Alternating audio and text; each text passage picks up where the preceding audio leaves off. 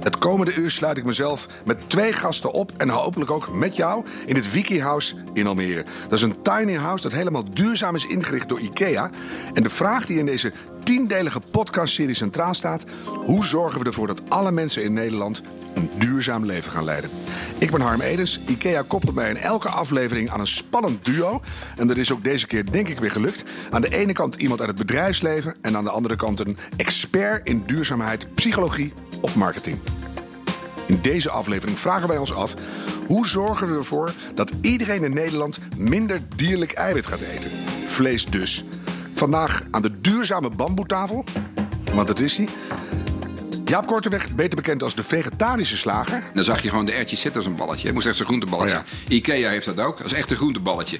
Voor vleesliefhebbers is dat verschrikkelijk. En psycholoog Marleen Onwezen van de Wageningen University, gespecialiseerd in consumentengedrag. Ik hoor ook heel veel eh, cognitieve, eh, heel bewuste argumenten. Dus dat, zijn, eh, eh, dat gaat heel erg vanuit dat, dat we dus die, die afwegingen maken en alle plusjes bij elkaar optellen. En dan denken, nou ja, dat is de beste keuze. Maar zo werkt het niet als mensen in de supermarkt staan. Marleen en Jaap, welkom in het Wiki House. Mooi woord, hè? Wiki House. Heel mooi. Lekker Zweeds ook. Wiki de Viking. Wat heb jij met eh, tiny houses, Jaap? Nou ja, ik heb er bij toeval eh, het afgelopen jaar in eentje gewoond. Bij toeval. Ja, dat was mijn tuinhuisje.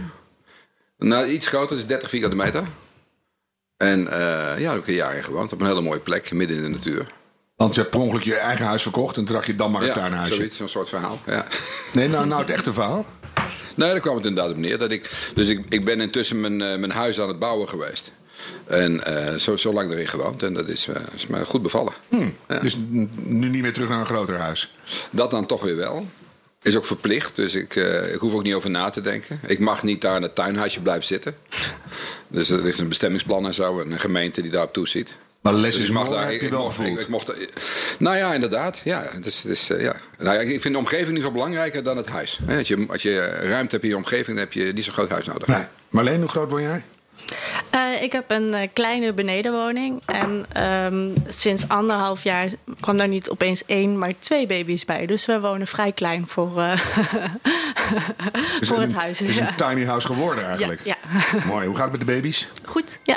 Ja. Ja, ze zijn nu anderhalf en eh, rennen rond. En eten ze al vlees? Eh, ja, soms. Nou Jaap, dat moet veranderen. Ja, ja, ja. Duurzame psychologie, dan eh, ja. Jij was ooit boer en hobbyjager. Nog steeds, ik ben nog steeds boer. Ja, maar geen hobbyjager meer, toch? Nee, geen hobbyjager meer. Hoe, hoe was dat als boer? Mm, nou ja, ik ben opgegroeid op een eh, gemengd bedrijf met koeien en stieren en akkerbouw. Mhm. en, eh, maar dat vee is weggegaan toen ik tien was. Ehm, maar een enorme vleesliefhebber. Dus eh, het is wel bijzonder dat dit nou zo gelopen is. Ja, ik wil eigenlijk in niet al te lange tijd dat hele traject horen. Ja, nou, Waarom ben je heel een kort. vegetarische slager? Eh, nou ja, heel kort. Ik bedoel, het was wel zo dat eh, de bio-industrie, dat, dat, dat was een soort noodzakelijk kwaad. Dat hoor je trouwens ook wel bij veel boeren. Hè. Ja, het is, we worden gedwongen en zo, de schaalvergroting. Ja. Komt er niet onderuit.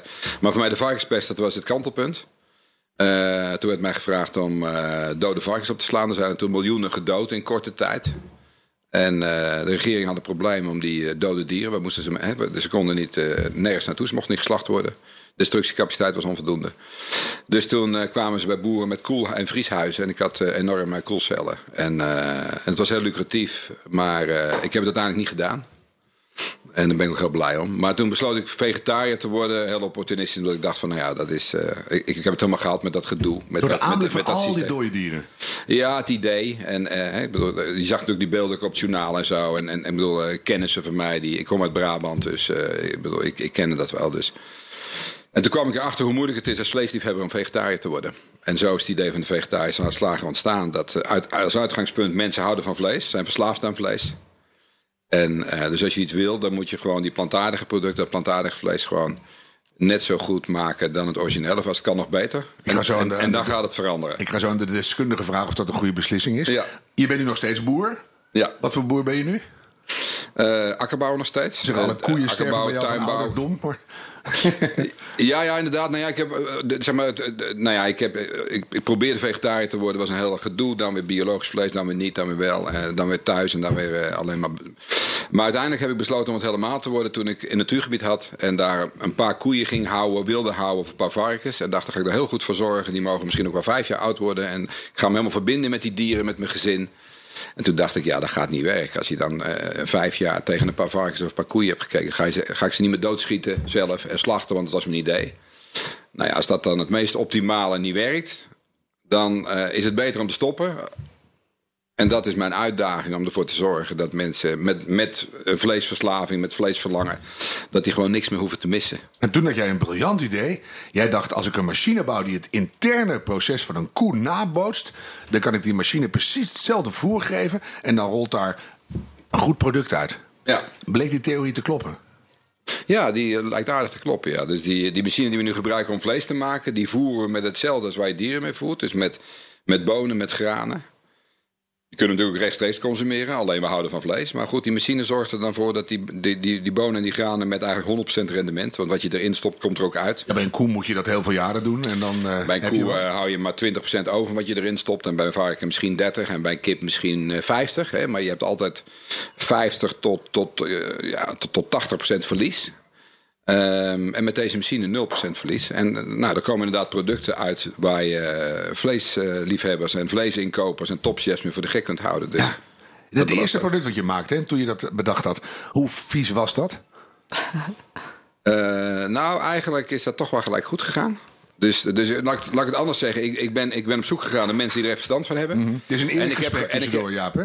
Dus, eh, Ja, ja. dus, En, eh, en ik heb gewoon gekeken naar, naar de goede producten. Ik bedoel, er was natuurlijk heel veel bagger op de markt. Maar dat was juist ook mijn, mijn reden om het anders te gaan doen. Dus ik ben natuurlijk gaan kijken, wat, wat, wat is er? En, en je probeert dan die pareltjes eruit te pikken. Zo zijn we begonnen. En, maar bijvoorbeeld de rookworst, waarvan we dachten, nou die hebben we heel snel. Daar heb ik nu het eerste exemplaar van bij, de allereerste proefproductie. die staat nu op te warmen, dus die staat op zo te warmen. Dat heeft acht jaar geduurd. En ik bedoel, hij is, dit is hem nog niet. Maar eind dit jaar hebben we hem wel. Dat durf ik wel te zeggen. Dat eerste ding wat jij zei, het was eigenlijk meteen goed. Ik geloof er geen bal van. Ja, nou goed, ja, meteen goed. Maar ik- nou, misschien moet je het dan anders zien. Ik bedoel, ik, ben, ik heb natuurlijk eh, 99% bagger geproefd. En, en, maar die pareltjes heb ik eruit gepikt. Dus, dus nee, in die zin klopt wat je zegt. Hè. Ik bedoel, het was natuurlijk overwegend bagger. Je receptuur bijgesteld en geprobeerd en geoefend. En uiteindelijk, hoeveel, hoeveel tijd ging er overheen tot je echt iets had waarvan je zei... hé, hey, dit lijkt op vlees en het is geen vlees. Mm, drie jaar ongeveer. En, en nu heb je een vleesfabriek in Breda. Ja. Dat, is echt enorm, eh, een enorme vlucht gaan nemen. Ja. Wat rolt er zo al van de band bij jou? Eh, nu eh, kip en eh shawarma. Ehm, eh, hamburgers, gehaktballetjes. En dus ook worsten binnenkort. Allerlei soorten worsten, braadworsten. Ja, braadworstjes. eh, Want ik heb hier een dit zijn klein de, bordje voor ons. Marieke, jij een vork? Zo. Dit Nee, zijn de zogenaamde Little Willies. Little Willies. Wat, wat moeten we eerst doen? Het gehaktballetje of de Little Willies? Mm, Eerst gehaktballetje maar denk ik. Gehaktballetje. Die Little Willies hebben een beetje specifieke ben smaak. Dat is een eh, Lincolnshire, is dat, een Engels ontbijtworstje. Eten op de radio is altijd heel smakelijk voor thuis. Ja. Dit balletje komt trouwens nog niet uit onze eigen fabriek. Dat zie ik. Die van, uit onze eigen fabriek komt, die is wat eh, organischer van vorm. Ik vind dit al behoorlijk goed hoor. Ja, Ja. ik vind hem heel lekker. Ja, wat jij eigenlijk ook al zegt. Dus het, eh, zeg maar, het is ook moeilijk te herkennen dat het geen vlees is. Dus hij, hij is echt heel lekker. Ja, het is echt lekker. Tikkeltje zout, kan dat? Ja. Doen jullie bewust? Nou, nee, we gaan het inderdaad wel terugbrengen. Maar je merkt gewoon dat eh, de, de, de trend is minder zout. Kijk, waar je mee uit moet kijken met een, met een, met een, eh, zeg maar een, een plantaardig vervanger van vlees... dat je hem dus te zouteloos maakt. Want dan zeggen mensen niet lekker, omdat ze zout gewend zijn. Ja. Maar je ziet dat dat toch inderdaad dat zoutgehalte terugneemt. Dus dat gaan we inderdaad bij deze product ook doen. Mag voor mij ook helemaal zoutloos hoor. Dan koop ik die wel en dan eh, gooi ik er wat bij thuis. Een heel klein beetje. Nou, die ervaring hebben we, het hebben we geprobeerd in het begin. Om echt zouteloze producten te doen. Dat werkt niet. willen mensen niet. Nee. Zullen we de Little Willy ook doen? Zo. Jij eet gewoon mee hè, ja? Ja, ik durf het wel hoor. Ja. Oh ja. En? Nou, hier proef ik minder goed dat het echt vlees is. Ik vind die andere lekkerder. Maar ik vind hem wel lekker. Ja. Hier zitten heel veel kruiden in hè? ja, dat is een hele specifieke smaak waarvan je moet houden. Ja. En ehm dat is heel verschillend. Ik bedoel, hij, hij doet het goed. Maar mensen vinden het lekker of niet, omdat hij zo uitgesproken is. Ja, Ja. dat zal Ja, het het is zijn. echt die, eh, die salie die erin zit. Wat die Lincolnshire worstjes hebben. Mhm. Dus dat, eh, en dat is echt Engels. Dus dat moet je, ja, hè, daar moet je inderdaad van houden. Maar als je maar, wat je, maar, maar wat je, maar wat je de worstje duidelijk hebt, die zit nog geen darm om. Hè? Dus je hebt niet echt die knak. Oh, dat hebben dus straks, de knak. straks met die rookworst dan ga je een beetje die knak voelen. En die kunnen ook nog steviger maken. Dat Je gaat nu serieus een dierlijke darm gebruiken voor je vegetarische slagerworst. Nee, dat is een, eh, ook weer een kopie van die dierlijke darm. Aha. Op basis van zeewier. Oh, dat klinkt heel spannend. Ik ben bijna door de rookworst. Maar het is natuurlijk ook, nu zitten we in een proefpanel. En dan ga je heel kritisch kijken hoe het smaakt. Terwijl, ja, als je, als je dit gewoon op een maaltijd eh, in een, in een bord hebt liggen bij je maaltijd. Dan denk je, hé, hey, lekker. Dus ik vind hem wel oké hoor. Ja. En je moet niet letten op die vorm, hè? Want het, ziet, het ziet eruit Ja, de vorm ziet eruit als een brisantbom uit de Tweede Wereldoorlog. Een Maar wortel of zo. Of eh, ja, inderdaad. Kijk, En spannend eigenlijk- en moment. eigenlijk ook, het is echt de allereerste. We hebben gewoon de, de allereerste proefproductie gehad. En daar is dit een exemplaar van. Dus, rookworstprimeur. Zal ik hem aan je vork krijgen? Marleen? Ja. Zo, heb jij het kontje? Vind je dat extra lekker? Wel voor het knakmoment dan, hè? Ja, maar jij mag eerst. oh ja, ja, ik zou van moeten bijten, hè? Hij ruikt wel echt naar worst. En dan sp- spet het er ook uit, hè? Ja, dat is ook goed, dat je af en toe behang raakt. Ja. Ja. Maar ik vind de worststructuur nog beter dan het knakmoment. Dus je moet nog even Ja. door, dat, nee, maar dus die, die, die darm maar steviger, hè? Nou, dat is helemaal geen punt. Ja. Dat is gewoon een, een druk op de knop bij die machine. En dan krijg je gewoon een stevige flink darm. drukken op de Ja. knop. Ik ben het met je eens. Moet echt zo knak. Ja, precies. Dat is lekker. Ja. Laatste ontwikkelingen. Jullie gaan steeds meer samenwerken met grote merken. Bijvoorbeeld Unox bij Unilever. Dat vind ik echt een revolutionaire ontwikkeling. Maar ook met New York Pizza. Hoe werkt dat? Die bellen jullie op en dan zeg je van... eh, hallo, vegetarische Ja, dat, zie je nou wel gebeuren. Dat die, eh, en we werken, ja, ik bedoel, Unox is, dat doen we nu al twee jaar. Maar we, inmiddels werken we met ongeveer alle grote vleesmerken samen. En eh, met Unox heeft het ook vier jaar geduurd voor die producten ontwikkeld waren en op de markt kwamen. En er loopt dus nog het een en ander wat er aan zit te komen. Dat, Daar zijn we al een paar jaar mee bezig. Maar heb jij U- Unox gebeld of belde Nee, ze jou? hebben, ze hebben mij benaderd. Ja. En zo gaat het eigenlijk altijd. Ehm, dus eh, nou, jullie kunnen nog heel wat gaan verwachten. Eh, Ik mag het hopen, want daar gaat het over. Hoe krijgen we zoveel mogelijk niet-dierlijk eiwit op het bord? Ja, en dat is fantastisch dat die, dat die grote vleesbedrijven, die grote vleesmerken, die iconen, dat die, dat die dit zien zitten. En, en, en het interessante is, want bijvoorbeeld in de duurzame energie is dat heel anders gegaan. En volgens mij komt dat omdat eh, die hebben belangen bij die olievoorraden, bijvoorbeeld de Shell, hè, die hebben natuurlijk zelf de oliebronnen. Ja. Maar die grote vleesmerken, die hebben geen varkens of kippen. Dus het maakt ze niet uit of ze nou eh, plantaardig vlees kopen of van dieren. En wat je merkt is dat ze dat gedoe met dat dierenvlees ook wel een beetje beu zijn. Dus ze merken dat de consument het wil. Het dit soort balletjes maar alleen. Je, als dat toch in de erwtensoep zit of in, de, of in, de, in een Italiaanse pasta saus, je proeft het verschil niet meer. Nee, het is eh, moeilijk eh, te herkennen. Dus waarom zou je het niet eten, denk ik dan? Ja, en het grappige is dat je zag dat eh, die vleesmerken tot voor kort... want die deden wel vegetarische dingen... maar dan moest het echt vegetarisch zijn. Dan zag je gewoon de ertjes zitten als een balletje. Het moest echt zo'n groenteballetje Oh zijn. Ikea heeft dat ook. Dat is echt een groenteballetje. Voor vleesliefhebbers is dat verschrikkelijk. Maar juist die... Want, want het idee was van ja, als je toch vegetariër bent... waarom moet het dan op vlees lijken? Mhm. Maar de grote denkfout is... Dat, eh, zeg maar, dat er zijn zo weinig vegetariërs omdat we zo van vlees houden. Als Ja. we niet zo van vlees zouden houden, dan was, iedereen vegetariër. ja. hè? Zou het makkelijker zijn voor jouw ontwikkeling van je bedrijf als grote bedrijf als Unilever dat veel harder van de daken zouden schreeuwen van jongens in de soep nu 100% vegetarische slagenballen? Tuurlijk, tuurlijk. Maar ik denk dat dat wel gaat komen. Je ziet het kantelen. En, en, en eh, we zijn er niet, niet ver meer vandaan, denk ik, dat ze dat inderdaad gaan doen. Want hoe groot ben je nu als eh, vegetarische slager van het hele aanbod? Ehm, we zijn nu het, het tweede merk in Nederland. Dus eh, ja, en terwijl die andere spelers, die zijn natuurlijk al 30, 30, 40 jaar op de markt. Ja. En wij zijn pas 7 jaar op de markt. Dus we hebben een enorme inhaalslag gemaakt. Als je kijkt, ik heb wat, wat huiswerkcijfers hier. Als je kijkt naar eh, wat er aan, aan vleesvervangers in de markt is, iets van 80 miljoen. Op een markt van 640 miljoen ja- per jaar aan eh, vlees. Ja. En ook nog eens 140 miljoen aan vis. Ja. Dus je bent nog maar een heel klein deeltje natuurlijk. Ja, ja, maar het groeit enorm. Hè. Dus eh, het heeft eh, eigenlijk heel lang stilgestaan. Want het komt natuurlijk uit de jaren 70, 80. En ehm, die, die beginjaren stonden stil. Wij groeiden wel heel hard, 50, 100 procent per jaar. Mhm. En nu de laatste twee jaar is de totale markt in een stroomversnelling gekomen. Dus jij moet mee in de vaart der volkeren nu. Ja, maar wij gaan, nou, wij gaan nog veel harder naar de markt groeien. Ah, dat is dus, eh, Maar alleen, word jij ook zo gedreven door een betere wereld? Ehm, eh, deels. Dus ik vind het mooi dat mijn werk een bijdrage levert aan eh, duurzame vraagstukken of gezondheidsvraagstukken. Maar ehm, als je mijn persoonlijke interesse ben ik vooral ook heel graag bezig met wat drijft de consument. Begrijpen, verklaren waarom mensen doen wat ze doen. En Kan je mij uitleggen waarom het bij jou zo werkt als het werkt? Ehm, eh, nou ja, eh, ik ben een van de voorbeelden. Dus ieder mens is ook wel weer anders. Eh, maar als je mij vraagt oh, oh, welke, wat werkt, zeg maar, rondom vlees eten of Nou, eerst even waarom jij niet kiest voor. Ik werk keihard aan een betere wereld. En je zegt: Ik vind het begrijpen van hoe een mens werkt, vind ik het belangrijkste. ja, Waarom is dat zo bij jou, denk je? vind ik gewoon reuze interessant. Dus ik vind het, ja, als, als je mij vraagt waar, waar gaat je hart sneller van knoppen, dan denk ik, ja, Ehm, eh, wat, wat zijn nou die processen? Waarom maken mensen keuzes nou ja, eh, zoals ze die maken? Eh, waarom is dat niet altijd rationeel? En hoe kunnen we manieren vinden om dat een beetje te sturen, te beïnvloeden? Dat zijn echt, ja, dat vind ik interessant. En is dan het duurzaamheidskader een heel handig brilletje wat je op kan zetten om te zeggen: hé, hey, dan kan ik op die manier naar mensen kijken? Ja, wat ik mooi vind aan het duurzaamheidskader is dat, je, uh, dat mensen daarin ook uh, verschillende rollen hebben. Dus wat je bijvoorbeeld ziet, is dat je als je aan iemand vraagt: vind je duurzaamheid belangrijk? Dat mensen het heel belangrijk vinden, dat ze echt graag uh, willen nastreven dat we een betere wereld hebben. Maar als je dan doorvraagt wat ze daarvoor doen en, en uh, waarom ze dat doen, ze het in de praktijk toch ook wel heel erg moeilijk vinden om die duurzame keuzes te maken. En die clash vind ik heel erg interessant. Ja, en als je dan bestudeert hoe een mens zich gedraagt, dan kan je ook leren wat je moet doen om ze een bepaalde kant uit te helpen. Ja. Wat, wat, zijn daar richting duurzaamheid de belangrijkste inzichten die jij uh, hebt gevonden? Ja, los van dat het ingewikkeld is en dat we daar niet de oplossing voor hebben gevonden, um, ja, zijn we met allemaal verschillende studies bezig om ja, eigenlijk een beetje aan die knoppen te draaien. Om een beetje um, ja, eigenlijk te onderzoeken hoe je mensen eigenlijk meer in bepaalde richtingen kunt sturen.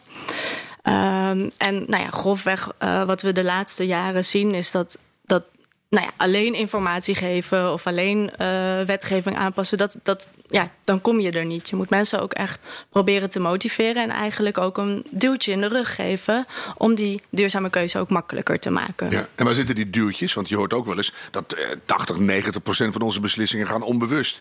Ja. Dus ze moeten lekker stiekem manipuleren en dan hebben ze helemaal niet door dat ze langzaam duurzaam zijn. Dus wat, wat, wat zijn jouw duwtjes? Um, een voorbeeld van een duwtje is de sociale omgeving. Dus um, nou ja, als, je voor je, als ik het aan jou vraag of als ik het om me heen vraag, mm. uh, hebben mensen altijd het gevoel dat ze keuzes voor zichzelf maken.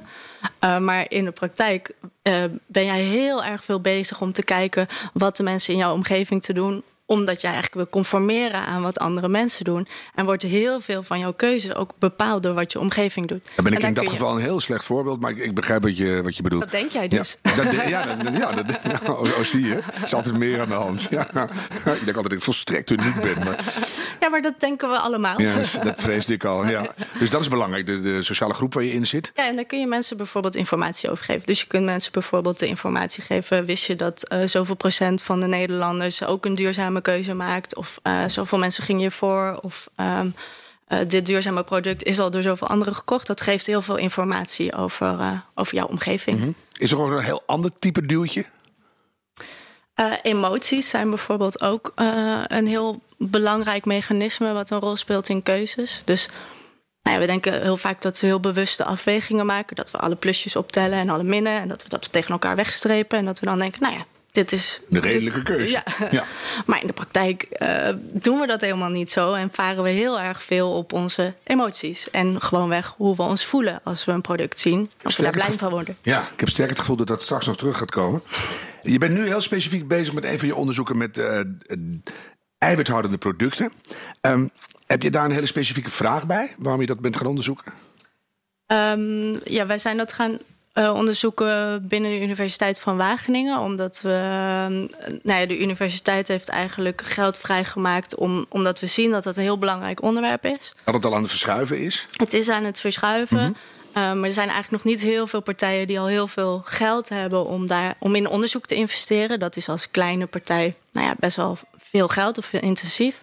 Dus dat is eigenlijk een, een investering van de universiteit om, om ja, bij te blijven. Of om op dat onderwerp ook zeg maar, uh, de juiste kennis te ontwikkelen. Ja. Omdat we zien dat het eraan komt. En uh, we ook graag willen weten hoe het werkt. Want het werkt echt wel een beetje anders. Mm -hmm. kan, kan je al wat inzichten delen die eraan zitten te komen?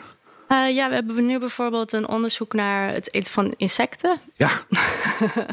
ik vond, Ook heel spannend. Ik vind, ja. ik vind springkanen nog wel gaan, ja. Maar ik heb laatst een Thaise uh, zoetwaterwans in een pannetje zien dobberen. Dat moest, dat moest ik toch even... oh, die is echt, echt dat is mm. 11 centimeter of zo. Ja. Het leuke is dat het helemaal niet nodig is, hè? Nee, maar ik wil toch even weten wat. maar, gaan we te zeggen. Hoef helemaal niet. maar en toen? En nou ja, het gezicht wat jij trok, ja, wat natuurlijk op de radio ook niet te zien, maar dat noemen we dan de jakfactor. Oh ja. dus de walging die jij voelt. Uh, de springkanen moment... niet overigens. Nee? Nee, dat vond ik wel lekker. Maar, ja. ja. Misschien een gefrituurde. Ja. ja. ja. Nou ja, wat we bijvoorbeeld zien is dat uh, aansluiten bij traditionele uh, gerechten, gerechten die mensen al kennen, dat dat een goede weg is. Dus als we allemaal verschillende varianten van insecten met elkaar vergelijken, dus die hele verse sprinkhanen met heel erg verwerkte producten en zelfs uh, insecten als veevoer, dus dan eet je eigenlijk gewoon je gewone hamburger, maar ja. het veevoer is wel uh, meer duurzaam. Mm -hmm. uh, dan zien we ja, dat, dat meer aansluiten bij wat we al kennen en wat we al weten hoe we het moeten bereiden, dat dat een, een, een meer effectieve weg is. Ja, dus als het niet zo herkenbaar is, dan willen we makkelijker veranderen dat, dat er ja, en dan, een tarantula dan op het bord hoe huppelt. het moet doen. Ja, zeg maar, als je dan weet je ook beter. Een, een insect bereiden is misschien ook gewoon weg wel heel ingewikkeld. Ja. Wat voor recepten horen daarbij? Dat zijn ook wel moeilijkere vraagstukken. Is er een truc om een zeewierburger of een insectenlolly aan de man te brengen? Ja, een truc. um, uh, Vergaande wetenschappelijke manipulatie. Wat we bijvoorbeeld in een onderzoek uh, laatst hebben gedaan naar zeewierreps, uh, hebben we ook verschillende varianten naast elkaar gelegd. Wat we daar zien is, is dat nou ja, ook gewoon weg rekening houden met het type mensen belangrijk is. Sommige mensen zijn er gewoon meer klaar voor dan andere mensen. En nou ja, in waar we nu staan in de maatschappij lijkt me ook verstandig om juist die groep aan te spreken en niet meteen te willen om dat iedereen uh, aan de zeewierburger en insectenburger gaat. Uh, en we hebben eigenlijk uh, manipulaties gemaakt. Dus hoe zet je dan zo'n product in de markt? Dus hebben allemaal verschillende groepen mensen naast elkaar gezet. En die zien allemaal een andere versie van dat product. En dan zien we dat nou ja, de meer rationele boodschap, dus onderzoek toont aan, uh, versus een meer emotionele boodschap, dus voel je goed en eet, mm -hmm. dat die emotionele boodschap meer uh, effectiever is. Doet het beter. Ja. ja. ja. Nou, ja, op die hele specifieke aanpak, dat zijn vleesvervangers zien er letterlijk en figuurlijk uit als vlees. En ze, ze, ze proeven als vlees. En de orale bevrediging is vlees. En nou, het is allemaal vlees. Is dat een goede aanpak? Nou ja, als je dat vanuit de literatuur zeg maar, bekijkt, is, het denk ik al heel slim. Zeg maar, omdat je zo aansluit bij, bij de tradities, bij traditionele gerechten die mensen al kennen, bij traditionele producten die ze al kennen.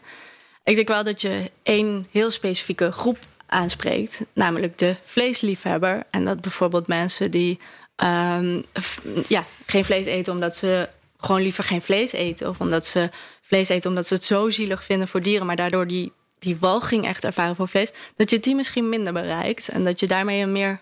Ja, alleen die laatste groep is heel klein. Dus uh, we hebben natuurlijk heel veel contact met onze klanten via social media en zo. Ja. Dus zeg maar, van, de, van de mensen die al 30 jaar vegetariër zijn, is de groep die, die zeg maar niet van vlees houdt, is maar heel klein.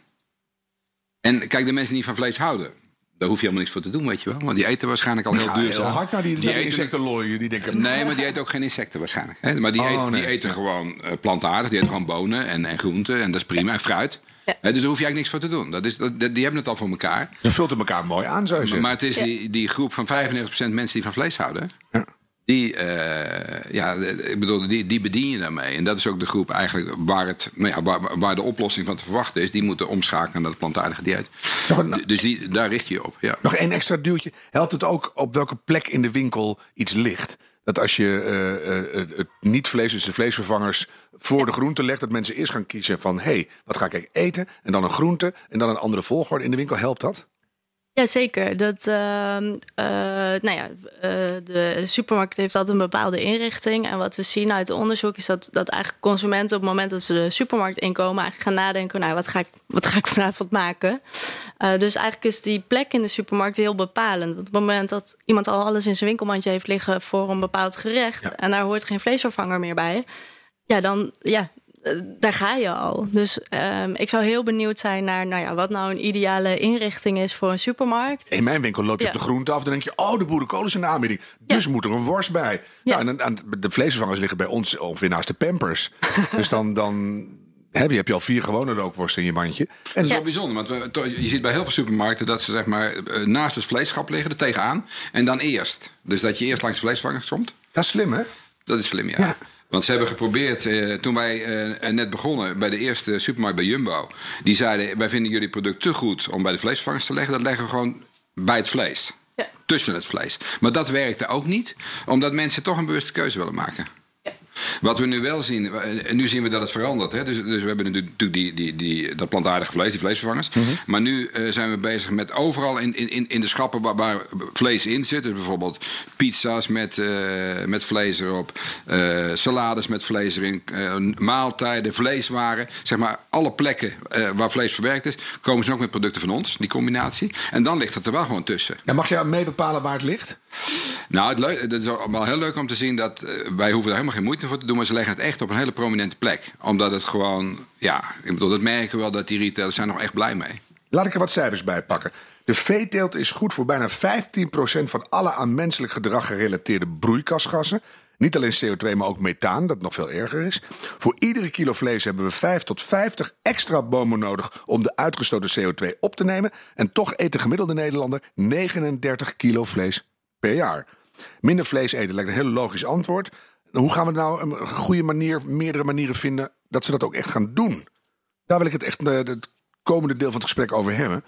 Even een fragment van Nieuwsuur om te benadrukken waarom zo'n stap zo belangrijk is. Hoe groot is de schade van onze vlees- en zuivelproductie? En welke producten zijn het meest schadelijk?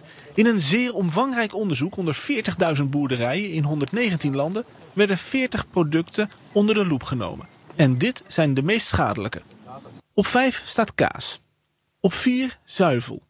Op 3 lamsvlees. Op 2 schaaldieren. En het allerschadelijkst voor het milieu is rundvlees. Moeten we, om de aarde te redden, allemaal veganist worden? Eh, we moeten niks. Milieu Centraal die zegt altijd er zijn duizenden en mogelijkheden waar mensen uit kunnen kiezen. En ehm, eh, anders eten is er één van. Het helpt wel, het, het heeft wel echt impact als je bijvoorbeeld uh, minder vlees gaat eten. De onderzoekers van Science gaan een stuk verder. Zij zeggen dat veganisme voor consumenten de beste manier is om uitputting, verzuring en vergiftiging tegen te gaan en de aarde te behouden. Ja, dus op heel veel niveaus is dierlijk eiwit lastig, moeilijk, slecht, noem maar op. En toch zijn we er enorm aan gehecht, Marleen. Waarom is dat? Ja, nou ja, het filmpje, ik, ik hoor ook heel veel uh, cognitieve, uh, heel bewuste argumenten. Dus dat, zijn, uh, dat gaat heel erg vanuit dat, dat we dus die, die afwegingen maken en alle plusjes bij elkaar optellen. En dan denken, nou ja, dat is de beste keuze. Maar zo werkt het niet als mensen in de supermarkt staan. Mm. En vooral rondom vlees zien we eigenlijk ook in onderzoek heel, heel erg tegenstrijdige motieven van mensen. Dus één en dezelfde persoon kan, kan echt heel erg tegenstrijdige motieven hebben. Die kan uh, vlees heel lekker vinden, uh, het heel graag eten, het heel gezellig vinden om met z'n allen te eten. En aan de andere kant ook vinden dat het niet gezond is, uh, heel zielig vinden voor de diertjes. Hoe verschuif je zo'n norm dan? Want bij roken is dat bijvoorbeeld gelukt. Het is slecht, je gaat er dood van, bla bla bla. Maar ja. we moeten het niet meer doen. En uiteindelijk, ja. kwart rook nu nog of iets minder zelfs. Dus dat is uiteindelijk in een, in een jaar of 10, 15 is dat behoorlijk verschoven. Ja. Hoe, hoe moet dat bij vlees? Ja, bij roken zie je dat zeg maar, de overheid echt maatregelen heeft genomen. Uh, en dat dat heel effectief kan zijn. Dus uh, ondanks dat mensen van tevoren allemaal dachten: uh, ja, daar ben ik het helemaal niet mee eens. ik blijf gewoon mijn sigaretje roken. wat heeft de overheid daar nou over te zeggen? zulke soort reacties hebben we allemaal gezien. Uh, maar nu zie je dat die norm heel snel verandert, omdat we daar toch anders mee omgaan. Maar ik denk dat de democratie serieus in gevaar komt als Den Haag gaat zeggen: je mag geen sparebits meer op je barbecue gooien. Gek genoeg. Ja. Um, wat, wat, is het verschil?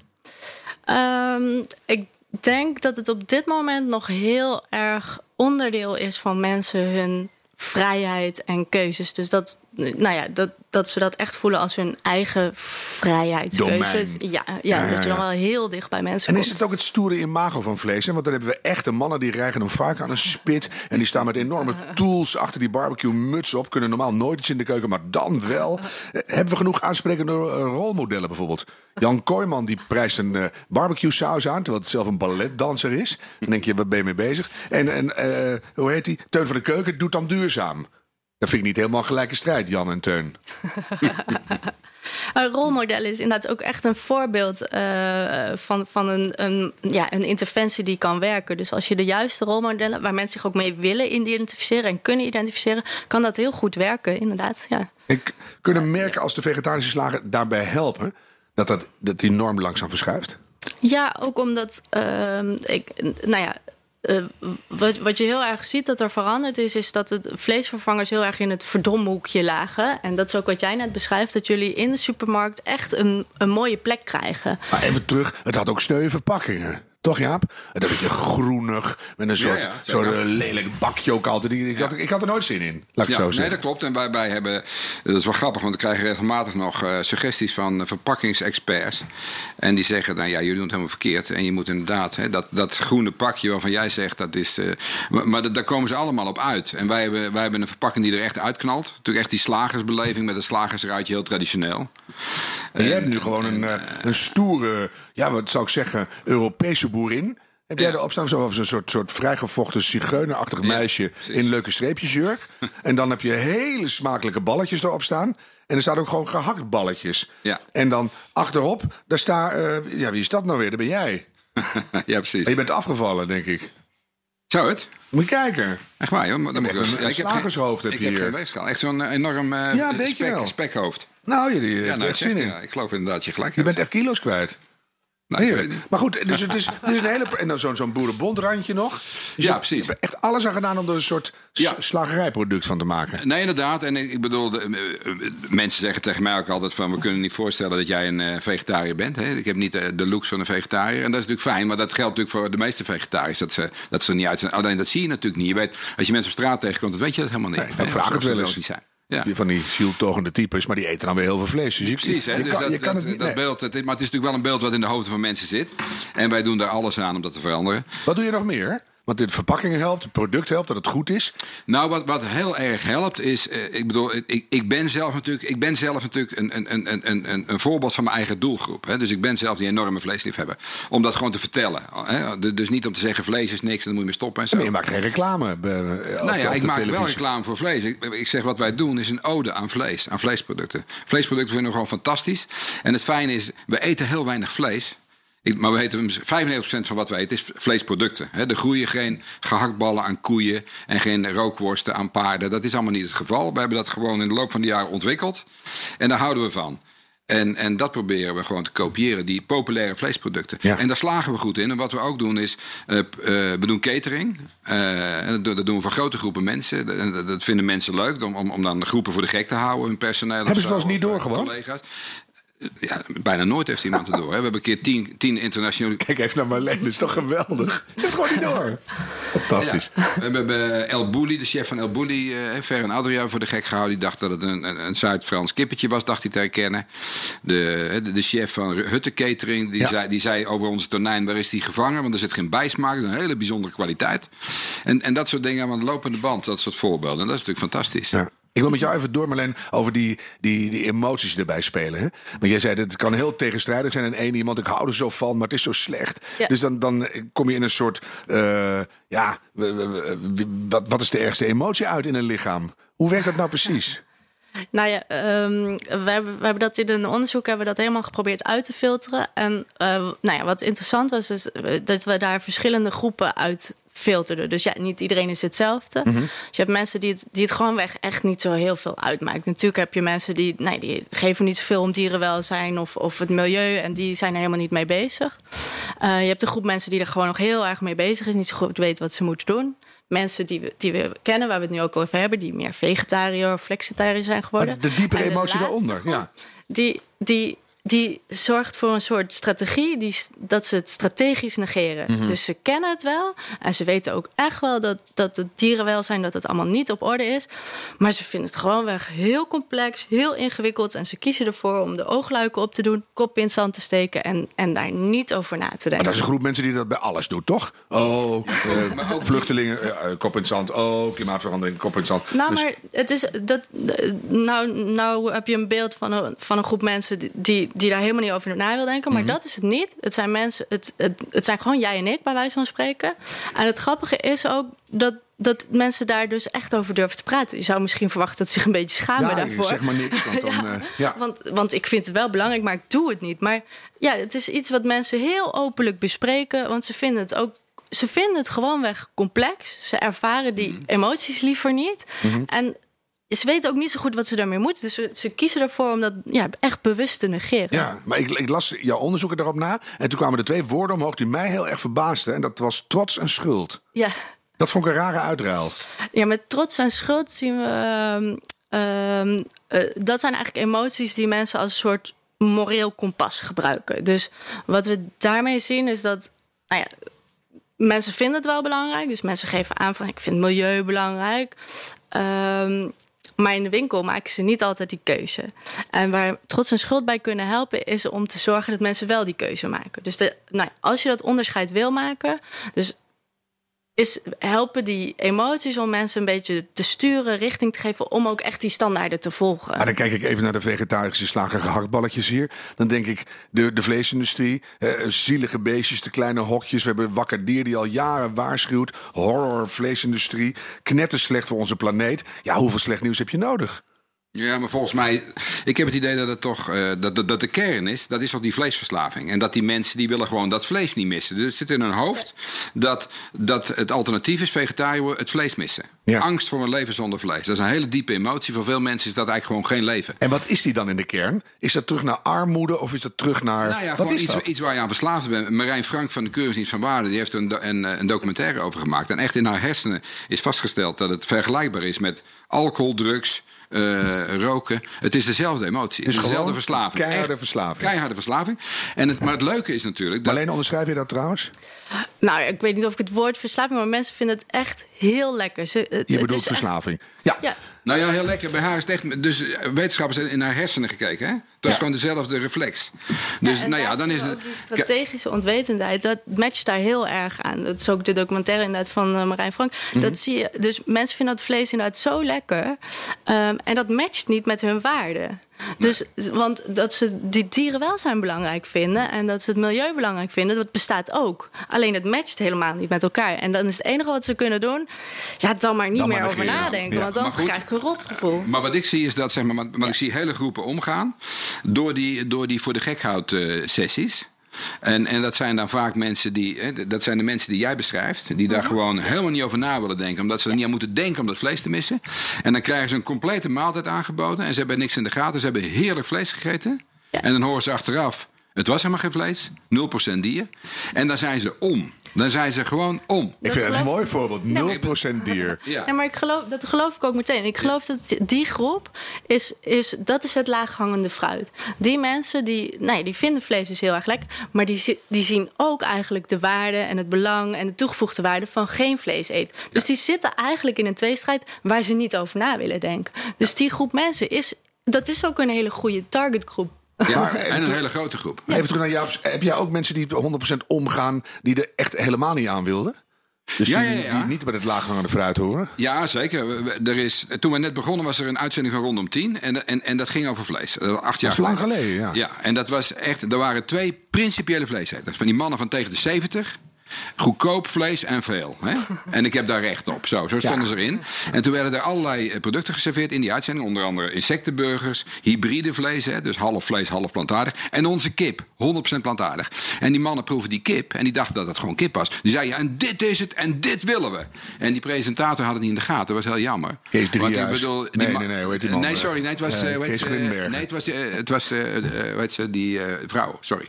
De vrouw. Ja. Nou, mevrouw rondom 10. Rondom 10. Ja, Eh Gilene. Plag. Plag, die was het. En eh, nou ja, dus dat, weet je, dan zie je eigenlijk die mannen gewoon, die principiële vleesrechters, er gewoon helemaal ingaan.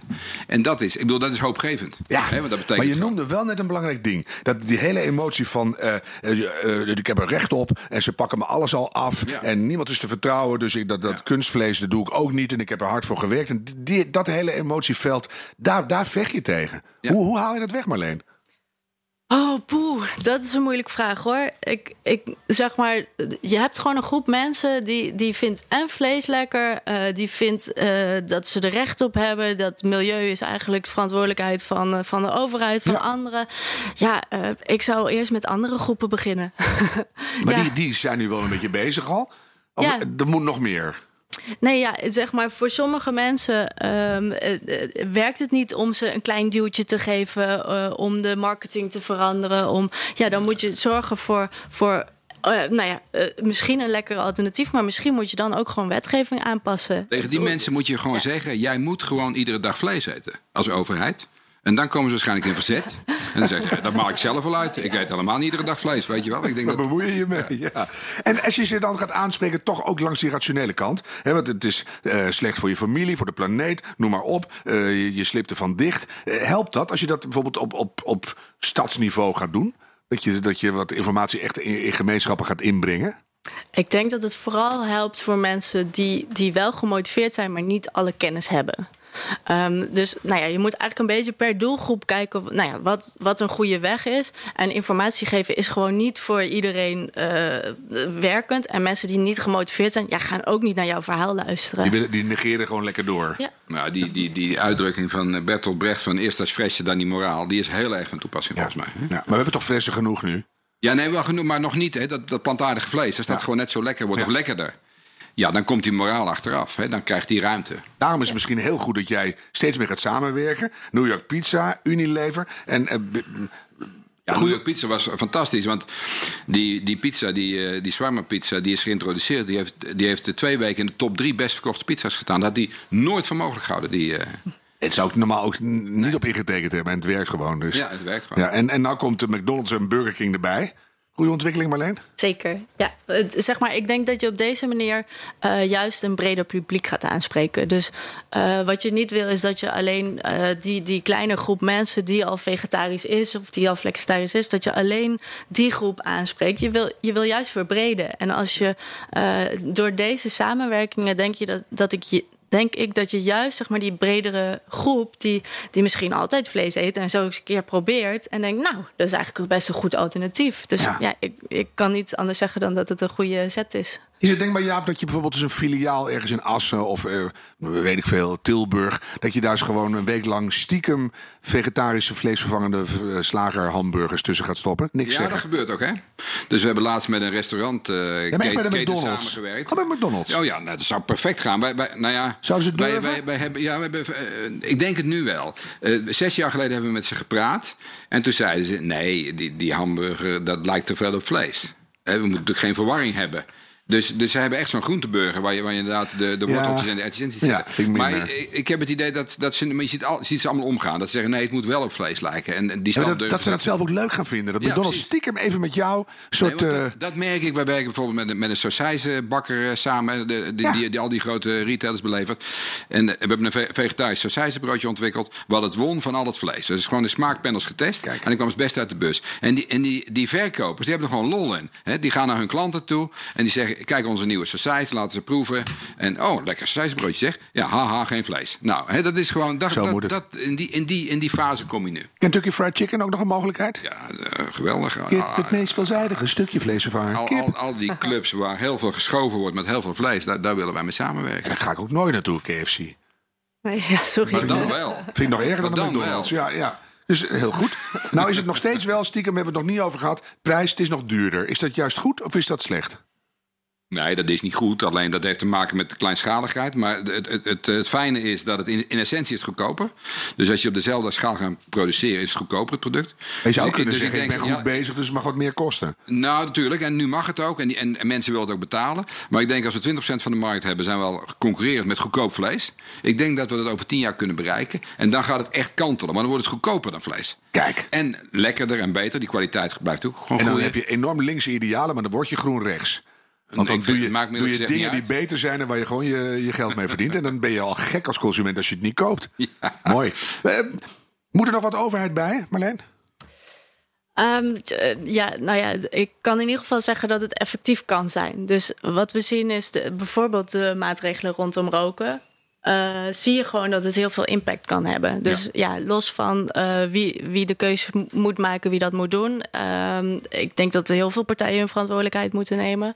Uh, maar een maatregel van de overheid kan sowieso heel effectief zijn. Luister even naar het volgende fragment. We hebben een heel mooi principe de vervuiler betaalt. En wat ik nu ga uh, bepleiten is dat de vervuilende vleesproductie ook wel betaald door degene die er gebruik maakt. In dit geval is dat, uh, is dat de consument. En dat betekent dat je inderdaad met een vleestaks, maar daar komt dadelijk verder in mijn verhaal kom ik daar verder uitgebreid op terug. Dus ik zeg niet, we moeten alles meteen afschaffen en tot nul terugbrengen. Wat ik wel zeg is, breng die kosten nou eerlijk bij degene waar het terecht hoort te komen. En dat is in dit geval uh, de consument.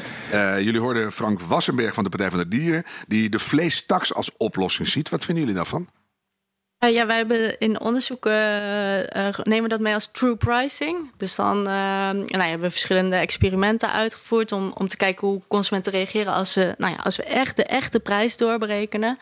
Ja, dan zien we wel dat, dat het invloed heeft op de keuzes van mensen. Um, zowel de prijs als uh, dat je indelingen gebruikt. Is de urgentie zo langzamerhand niet zo hoog dat we dat moeten gaan doen, Jaap? Wat denk je?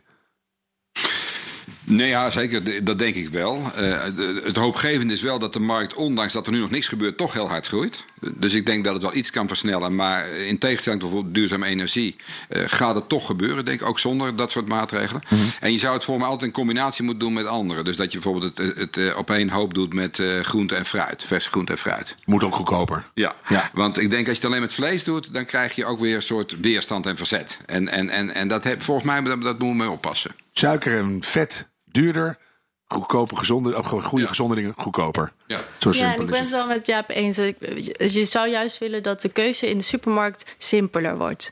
Dus nu staan mensen soms in de supermarkt en willen ze een gezonde of duurzame keuze maken. Maar is het best wel ingewikkeld? Want wat is nou de meest duurzame keuze als het is, als het is uh, ingevlogen uit Afrika, maar nog wel fair trade is? En is het dan gezond? Of, nou ja, het is heel ingewikkeld. Dus als we daar een stukje bij kunnen helpen, uh, zou dat wel. Uh, Vind ik echt een hele goede opmerking. Want dat is, dat is soms zo lastig. Maar dat geldt ook voor kleding kopen. Dat geldt voor een heleboel andere Zeker, dingen. Maak ja. het helder en transparant. Ja. ja. Zijn er nog onderzoeksvragen, Marleen, die echt openstaan waarvan je zou zeggen: overheid, investeer daarin. Dat en dat en dat moeten we uitzoeken.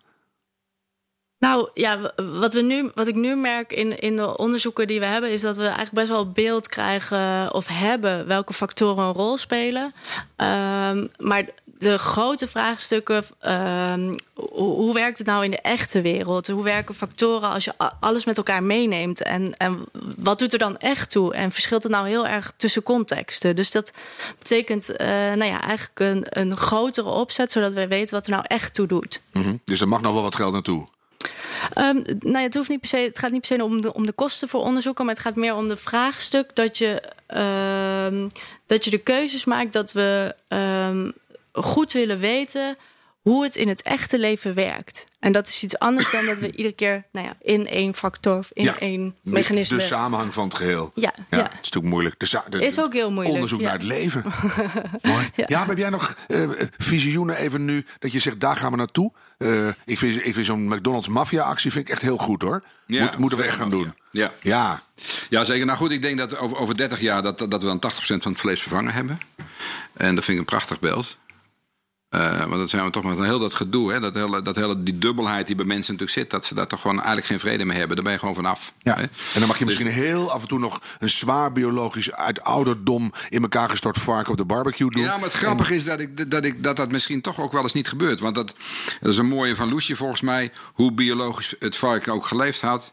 He, ik bedoel, uh, en dan, en dan ben ik, dood wilden ze niet. Oh ja, zo was het. Ja, ja. Dood wilden ze niet. Weet je wel, dat maakt eigenlijk niet uit. Naarmate je meer met een dier verbindt, wordt het eigenlijk alleen maar moeilijker. Hè? En maar het ouderdom, zei ik ook. Ja, maar ja, wil je... Wil je, wil je thuis. Ja, wil je nou, zou, zou je dat nog wel eten dan? Weet ik niet. Echt zo, zo dat krijgen we nooit. Misschien valt het wel mee. Nee, dat ken je helemaal nee, niet. Nee, dat kennen we niet. Want ze worden nu allemaal geslacht natuurlijk als het gewoon nog uh, van die kleine peutertjes zijn eigenlijk. Precies. Ja.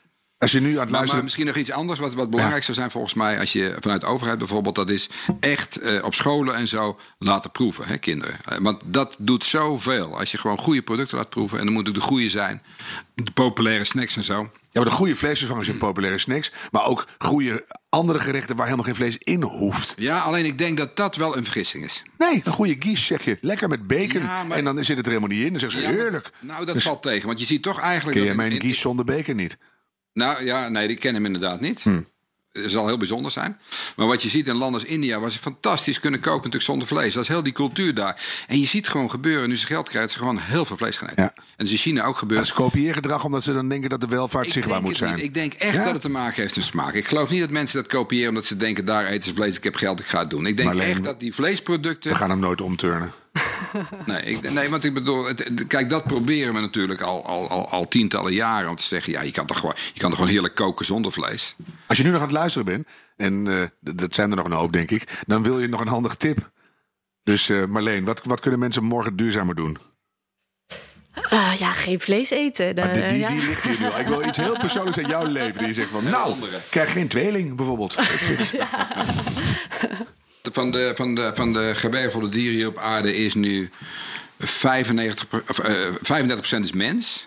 En 60% is vee. Ten behoeve van de mensen, dus eigenlijk 95%. En nog maar 5% is de rest. Hè? Ja. En dan hebben we het wel eens over een plaag. Als er dan, eh, weet ik veel, eh, ganzen zitten of zo. Ja. Ja, je zou zeggen, het enige wat je kan doen is gewoon ermee stoppen. Hè? Als je echt duurzaam wil zijn, dan moet je er gewoon... eh, Maar, het, nou ja... Het nog is- niet echt de meest Nee. leuke tip aan het eind van een mooi Nee, gesprek, maar ik dit- snap wat je bedoelt. Ja, het is gewoon natuurlijk... eh, maar maar ik, ik, ik, ik, ik ben er heilig van overtuigd dat we met die 10 miljard mensen die die we straks hier hebben... als we ons verstand gebruiken, dat we heel duurzaam hier kunnen leven. Je geeft me een mooie aanleiding. Laat ik hem anders vragen. Marleen, waar zit je grootste hoop voor de toekomst? Eh, Had ik nou net een tip bedacht?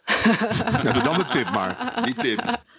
Nee, ja, wat ik bedacht is, eh, we, hadden, we begonnen er eigenlijk mee met eh, 80% van, van de dingen die je doet komt uit gewoonte. En denk nou eens één dag na welke keuzes maak ik allemaal eigenlijk en wat zou ik kunnen veranderen. En zo kun je heel veel impact hebben. Ook gewoon dingen die helemaal niet zo goed zijn die je doet. Los van of het voor het milieu is. Maar denk eens na over je keuzes. Vind ik wel mooi. En dan met jou erachteraan, Jaap. Dan zijn we er, Ja. denk ik. Wordt het wat met de wereld? Jawel, nee, ik ben hoopvol gestemd.